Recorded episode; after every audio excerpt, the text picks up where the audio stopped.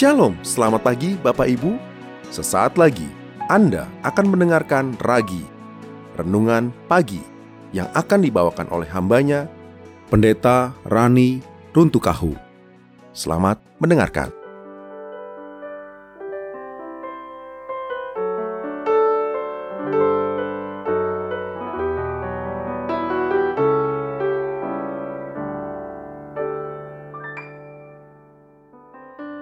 Shalom, selamat pagi Bapak Ibu Saudara sekalian. Tema ragi kita pada pagi hari ini adalah pikiran adalah medan peperangan. Mazmur 94 ayat 19 berkata, Apabila bertambah banyak pikiran dalam batinku, penghiburanmu menyenangkan jiwaku. Pikiran kita adalah medan perang yang sesungguhnya. Setiap detik, menit, jam, setiap hari kita selalu akan bergumul dengan keberadaan kita dalam pilihan hidup, dan itu tidaklah mudah. Demikian juga dengan berpikiran positif dan berpikiran negatif. Berdasarkan pengalaman hidup sehari-hari, orang akan lebih cenderung memikirkan hal-hal yang negatif daripada berpikiran positif.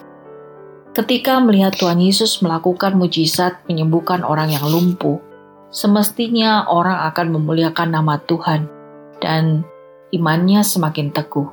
Tapi para ahli Taurat justru langsung berpikiran negatif terhadap Tuhan Yesus. Ayat 3 berkata, dalam Matius 9 ayat 3 berkata, ia menghujat Allah. Tuhan Yesus berkata kepada mereka, mengapa kamu memikirkan hal-hal yang jahat di dalam hatimu? Bukankah kita juga sering kali berpikiran negatif terhadap Tuhan dan menuduh Tuhan berlaku tidak adil dan jahat?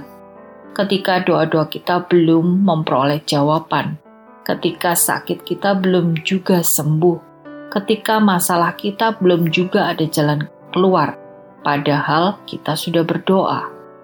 Dalam hubungan dengan sesama, kita pun mudah sekali berpikiran negatif dan selalu menaruh curiga terhadap orang lain. Jika kita selalu berpikiran negatif setiap hari, maka kita perlu waspada. Dari mana datangnya pikiran negatif? Iblis selalu menawarkan hal-hal negatif ketika manusia berada pada suatu kebutuhan. Contoh, ketika Tuhan Yesus lapar setelah berpuasa 40 hari 40 malam, iblis menawarkan solusi dengan mengubah batu menjadi roti. Iblis juga menawarkan kebanggaan, kehebatan, kemegahan yang merupakan impian dan keinginan setiap manusia. Matius 4 ayat 1 sampai 11. Namun Tuhan Yesus dapat berkata tidak terhadap semua tawaran iblis. Pikiran negatif juga datang dari keinginan kita sendiri yang sewaktu-waktu muncul. Yakobus 1 ayat 14 berkata, tiap-tiap orang dicobai oleh keinginannya sendiri karena ia diseret dan dipikat olehnya. Apa yang kita pikirkan menentukan arah hidup kita, dan jika kita tidak waspada, pikiran kita akan membawa kita kepada kesukaran demi kesukaran.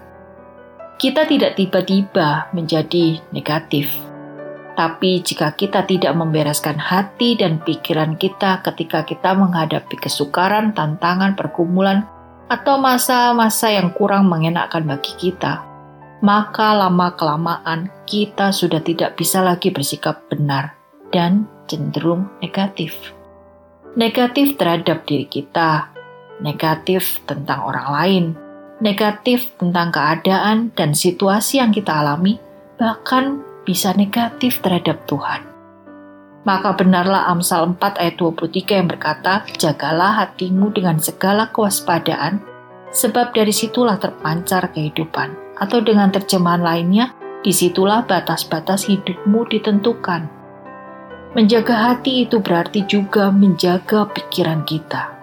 Karena itu Rasul Paulus menasihatkan, jadi akhirnya saudara-saudara, semua yang benar, semua yang mulia, semua yang adil, semua yang suci, semua yang manis, semua yang sedap didengar, semua yang disebut kebajikan dan patut dipuji, pikirkanlah semuanya itu. Filipi 4 ayat 8. Dalam Roma 12 ayat 3 Rasul Paulus juga mengatakan, tetapi hendaklah kamu berpikir begitu rupa sehingga kamu menguasai diri menurut ukuran iman yang dikaruniakan Allah kepada kamu masing-masing. Rasul Paulus mengatakan bahwa hendaklah mereka, yaitu jemaat-jemaat orang-orang yang tinggal di Roma, berpikir begitu rupa, sedemikian rupa, atau sebaik-baiknya, atau tidak berpikir menyimpang, atau layak, yang patut, yang benar, dan rasional, dengan penuh rasa takut akan Tuhan. Hendaklah mereka menggunakan hikmat, akal budi yang dari Allah untuk mempertimbangkan dan memutuskan segala sesuatu secara tegas, pasti, dan positif.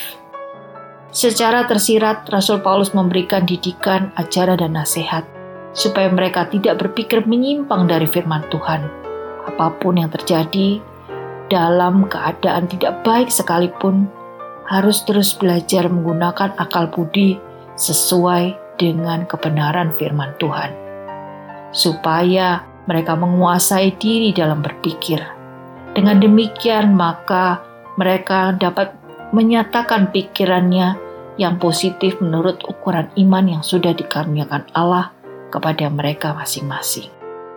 Bapak, ibu, saudara sekalian, Pagi ini kita merenungkan agar kita mengendalikan pikiran kita yang adalah merupakan medan peperangan tersebut dan kemudian belajar menawan segala pikiran dan menaklukkannya kepada Kristus. Selamat berjuang, selamat berpikir positif. Tuhan Yesus memberkati kita semua. Sola Gracia. Terima kasih. Anda baru saja mendengarkan Ragi, Renungan Pagi, Persembahan, Gereja Suara Kebenaran Injil, Making Life Better, Balikpapan. Tuhan Yesus memberkati.